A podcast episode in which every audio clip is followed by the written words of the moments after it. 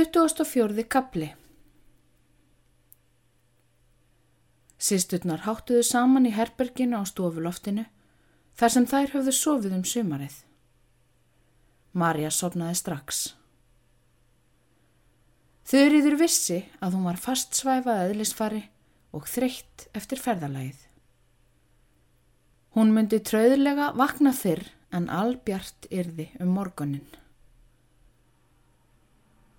Eftir stundar byð settist þurriður upp, fór hljóðlega ofan úr rúminu, hjartað ætlaði að sprengja brjóstið.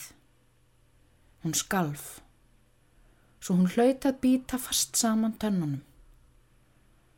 Klætti sig og lættist ofan stegan. Það var eins og hún væri sett af ofur megni sem hún ekki fekk spornað á móti. Yðraðist að hafa lokið því sem hlaut að býða bjartari daga.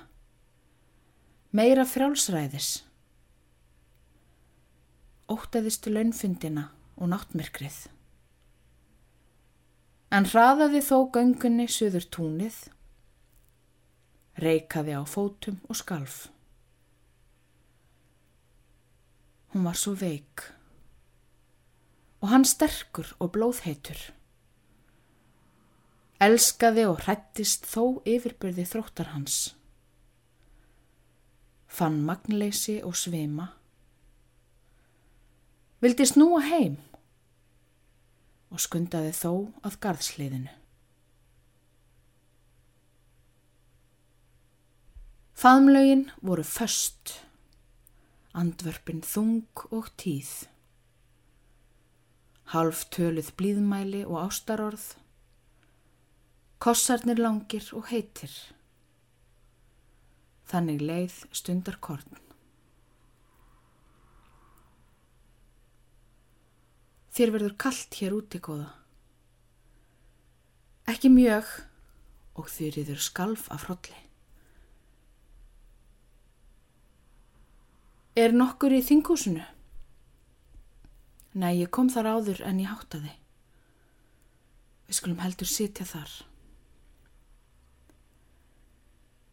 Germundur bar hana meir en leitti heim túnið og skeikaði ekki fótur.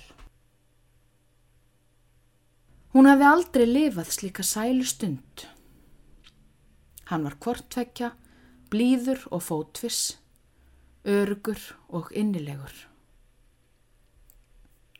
Þau settust bæði í kvílubekkin í þinghúsinu. Hún hallaðist að brjósti hans Þau kvistluðu og kistu, eld heita á strungna kossa. Varir hennar stóðu hálf opnar. Það var líkt og hún fengi andþrengsli og ætlaði að kapna. Losaði til með titrandi fingrum. Ringaði um brjóstið. Svo kisti germundur á brjóstið bert. Hálsin bæði brjóstinn. Orðin dóu á vörum begja. Germundur fann að öll réttindi ástarinnar voru með þeim.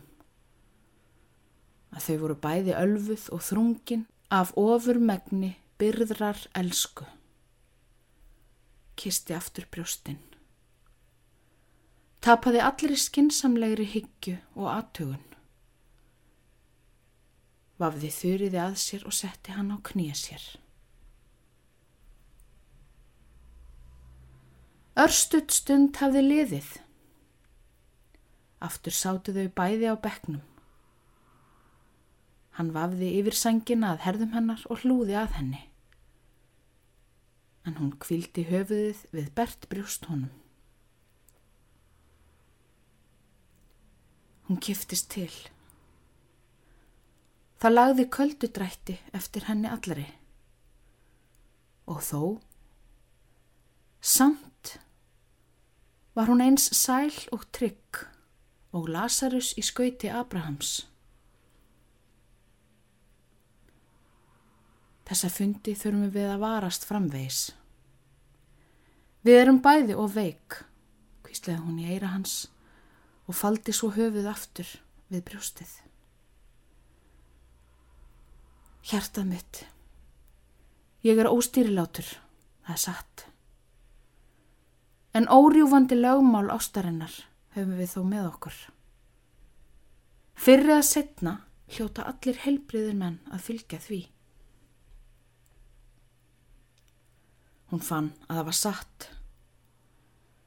En annað lögmál, lögmál vana og viðtekkinar skinnsemi var líka í huga hennar.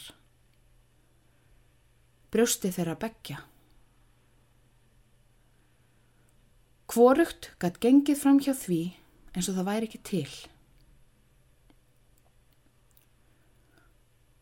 Við skulum bæði vaka framvegs, vera þollind og gætin, elsku vinurinn minn. Þú ert svo góð, svo blíð og tilfinningafín.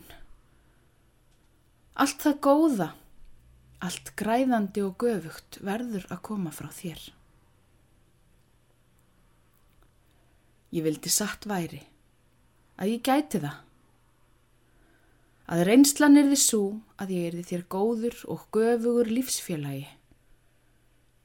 Ablið og áræðið er sérregn þín. En þú ert líka blíður og ástríkur. Trúðu mér til þess. Trestu sjálfum þér, þú mátt það. Þér er það óhætt.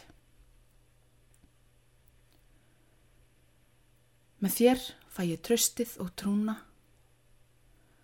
Án þín get ég aldrei verið örugur, nýja trúaður í sjálfu mér.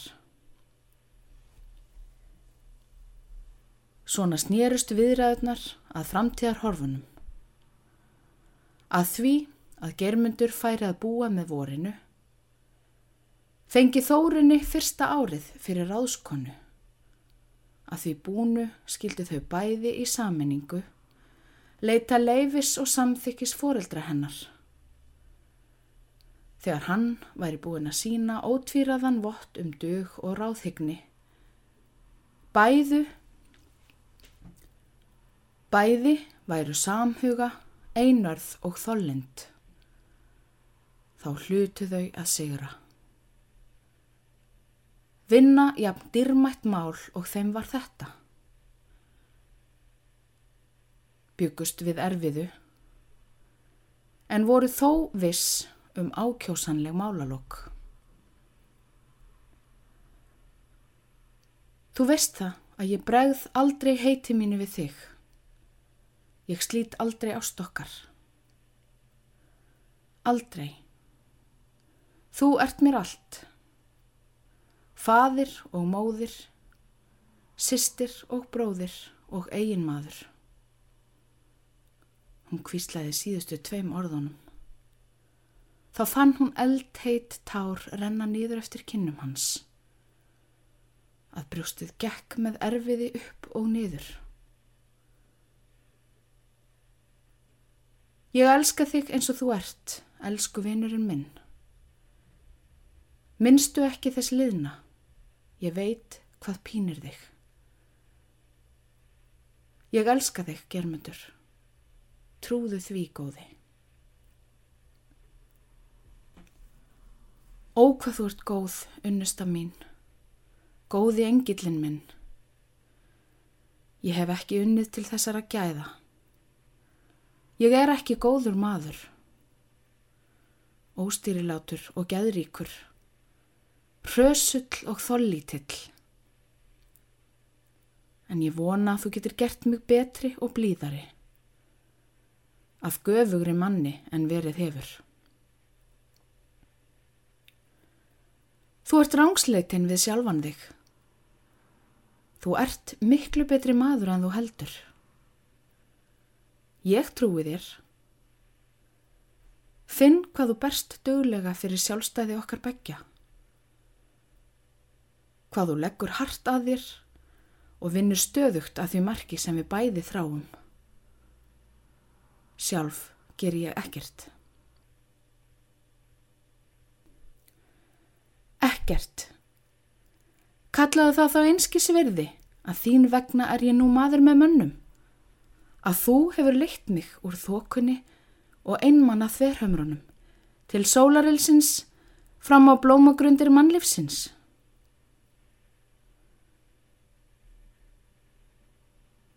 Germundur var rétt sopnaður heima þegar þeir fyrstu risu úr rekju.